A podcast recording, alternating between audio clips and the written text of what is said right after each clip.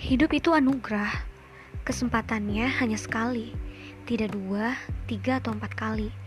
Rasanya sangat disayangkan ketika kita mengukir cerita hidup yang terlalu biasa. Ya, karena kita istimewa. Sudah seharusnya kita mengukir cerita hidup semenarik mungkin, sekeren mungkin. Bukan begitu?